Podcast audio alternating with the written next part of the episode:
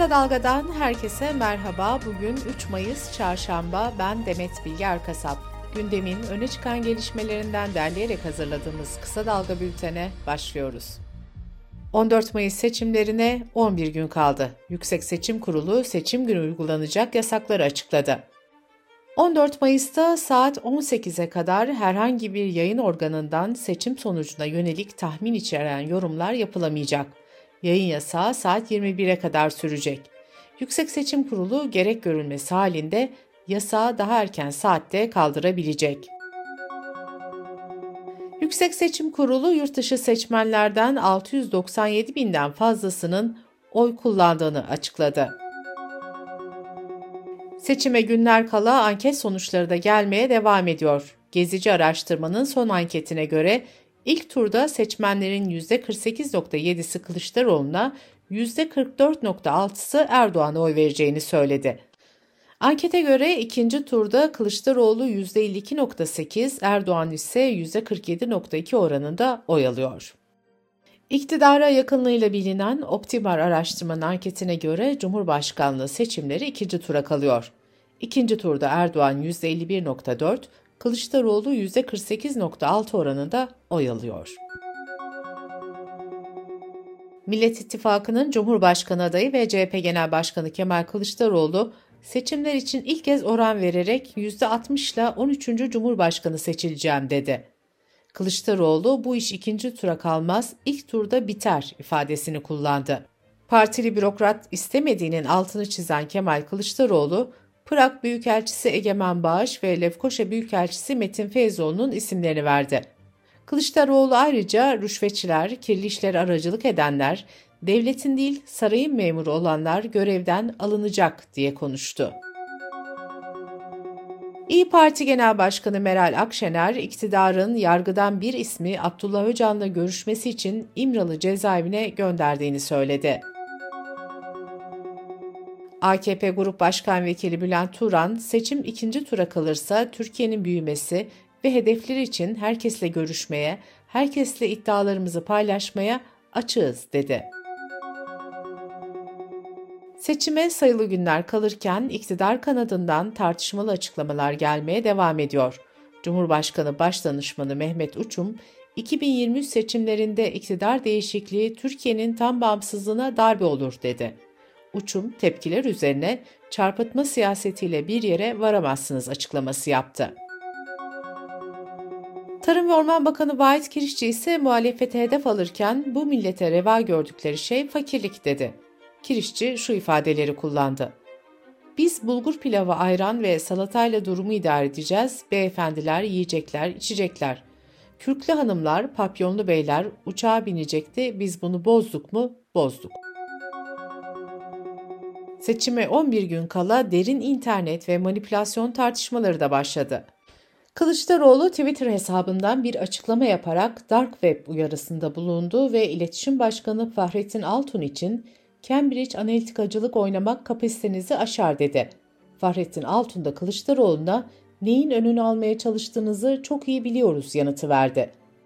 Peki bu tartışmada adı geçen Cambridge Analytica skandalı nedir?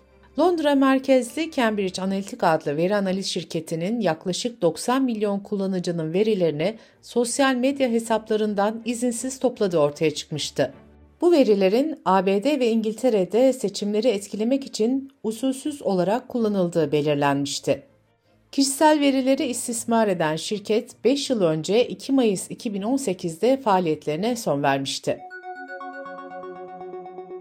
CHP Genel Başkan Yardımcısı Muharrem Erkek seçim güvenliği ile ilgili açıklama yaparak İçişleri Bakanlığı YSK'ya paralel bir seçim takip sistemi kurmuş dedi. Muharrem Erkek tüm valiliklere ve kaymakamlıklara talimat verildiğini belirterek şunları söyledi. En az 10 bin personel görevlendirilecek. Personel sayısı kadar bilgisayar temin edilecek. Oluşturulan bu yapıyla tüm sandık sonuç tutanakları ve seçim sonuçları takip edilecek. Mecliste kurulan Deprem Araştırma Komisyonu, kaçak yapıların mülkiyet sorununun çözümü için kentsel dönüşümle sınırlı olmak üzere imar affı düzenlemesi istedi. Milliyet'ten Önder Yılmaz'ın haberine göre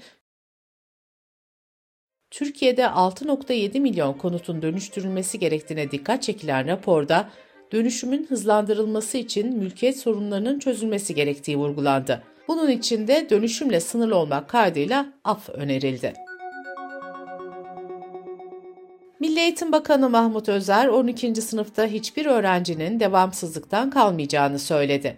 Bakanlığın her yıl bu kararı YKS'den önce açıkladığını belirten Özer, depremler nedeniyle bu yıl kararı sınavdan önce aldıklarını söyledi. Türkiye Araştırmacılar Derneği'nin 26. Araştırma Zirvesi'ne katılan TÜSİAD Yönetim Kurulu Başkanı Orhan Turan, 6284 sayılı yasanın tavizsiz uygulanmasını isterken, İstanbul Sözleşmesi'ne de en kısa sürede dönülmesini talep etti. Birleşmiş Milletler'in 1993 yılında aldığı bir kararla 3 Mayıs tüm dünyada basın özgürlüğü günü olarak kutlanıyor. Türkiye Gazeteciler Cemiyeti de 3 Mayıs nedeniyle yazılı bir açıklama yaptı. Açıklamada otoriter liderlerin ve yönetimlerin hakim olduğu ülkelerde basın özgürlüğü kan kaybetmeye devam ediyor denildi. Açıklamada 42 gazetecinin cezaevinde olduğu belirtilerek şu ifadeler kullanıldı. Seçime giderken demokrasinin yeşerdiği, cezaevlerinde gazetecisi bulunmayan, aydınlık ve barışçıl bir ülkede gazetecilik yapmayı diliyoruz. Kısa Dalga Bülten'de sırada ekonomi haberleri var. Çalışma ve Sosyal Güvenlik Bakanı Vedat Bilgin, haftalık 45 saat olan çalışma süresinin kısaltılması gerektiğini söyledi. Bakan Bilgin, İngiltere'de 6 saat uygulamasına geçildiğini belirterek 5 saat denemesi de yapılıyor. Dünyanın birçok yerinde bu çalışmalar yapılıyor dedi. BOTAŞ sanayide kullanılan doğal gazın toptan satış fiyatında %52 ila %63 oranında indirim yapıldığını duyurdu. Daha bahar bitmeden kış ürünlerine gelecek zamlar konuşulmaya başlandı. LCO22'nin yönetim kurulu başkanı Vahap Küçük, yerli tedarik oranımız %80'lerden %70'lere geriledi. Kur baskısı böyle devam ederse bu oran %60'a düşecek dedi. Ekonomi gazetesinden Yener Karadeniz'in haberine göre Küçük, kışlık ürünlerde %20 ila 30 arası fiyat artışı olacağını da belirtti. Amerika'da yeni bir borç limiti belirlenmezse ülke borçlarını ödeyemez hale gelebilir. ABD Hazine Bakanı borç limitine yönelik alınan önlemlerin 1 Haziran'a kadar tükenebileceği uyarısında bulundu. Borç limiti ya da borç tavanı Amerika'da hükümetin borçlarını ödemek için ödünç alabileceği para miktarının üst sınır anlamına geliyor. 2011 yılında benzer bir borç tavanı mücadelesi ülkeyi iflasın eşine getirmişti. Ancak uzmanlar bu seferki durumun zor olabileceğini ve küresel piyasayı da etkileyebileceğini söylüyor. Dış politika ve dünyadan gelişmelerle bültenimize devam ediyoruz. Dışişleri Bakanlığı Mısır'ın Türk vatandaşlarına yönelik aldığı kapıda vize uygulamasını resmen duyurdu.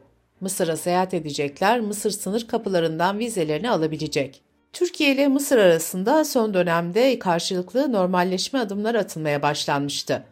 Dışişleri Bakanı Mevlüt Çavuşoğlu 18 Mart'ta Mısır'ı ziyaret etmişti. Bu ziyaret Türkiye'nin Mısır'a bu seviyede 11 yıl aranın ardından yaptığı ilk ziyaret olmuştu. Beyaz Saray, Ukrayna'nın doğusundaki Bahmut'taki çatışmalarda Rusya'nın 20 bin savaşçı kaybettiğini iddia etti.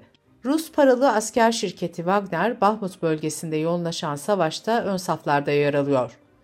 Ukrayna'nın doğusundaki küçük sanayi şehri Bahmut, 9 aydan daha uzun bir zamandır Rus birliklerinin hedefinde. Askeri analistlere göre çok da stratejik değeri olmayan kent iki taraf için de sembolik bir önem kazanmış durumda. Kiev şehrin küçük bir bölümünü kontrol altında tutuyor.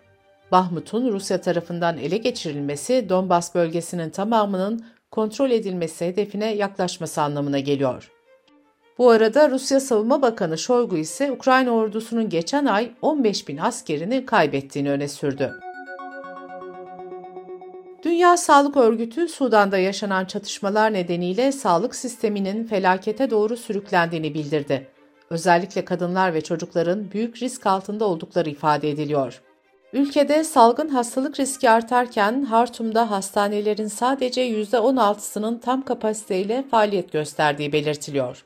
Yaklaşık 3 milyon kadının cinsiyete dayalı çeşitli şiddet türlerine maruz kaldığını bildiren Dünya Sağlık Örgütü, çocukların da psikolojik baskı altında olduğunu açıkladı.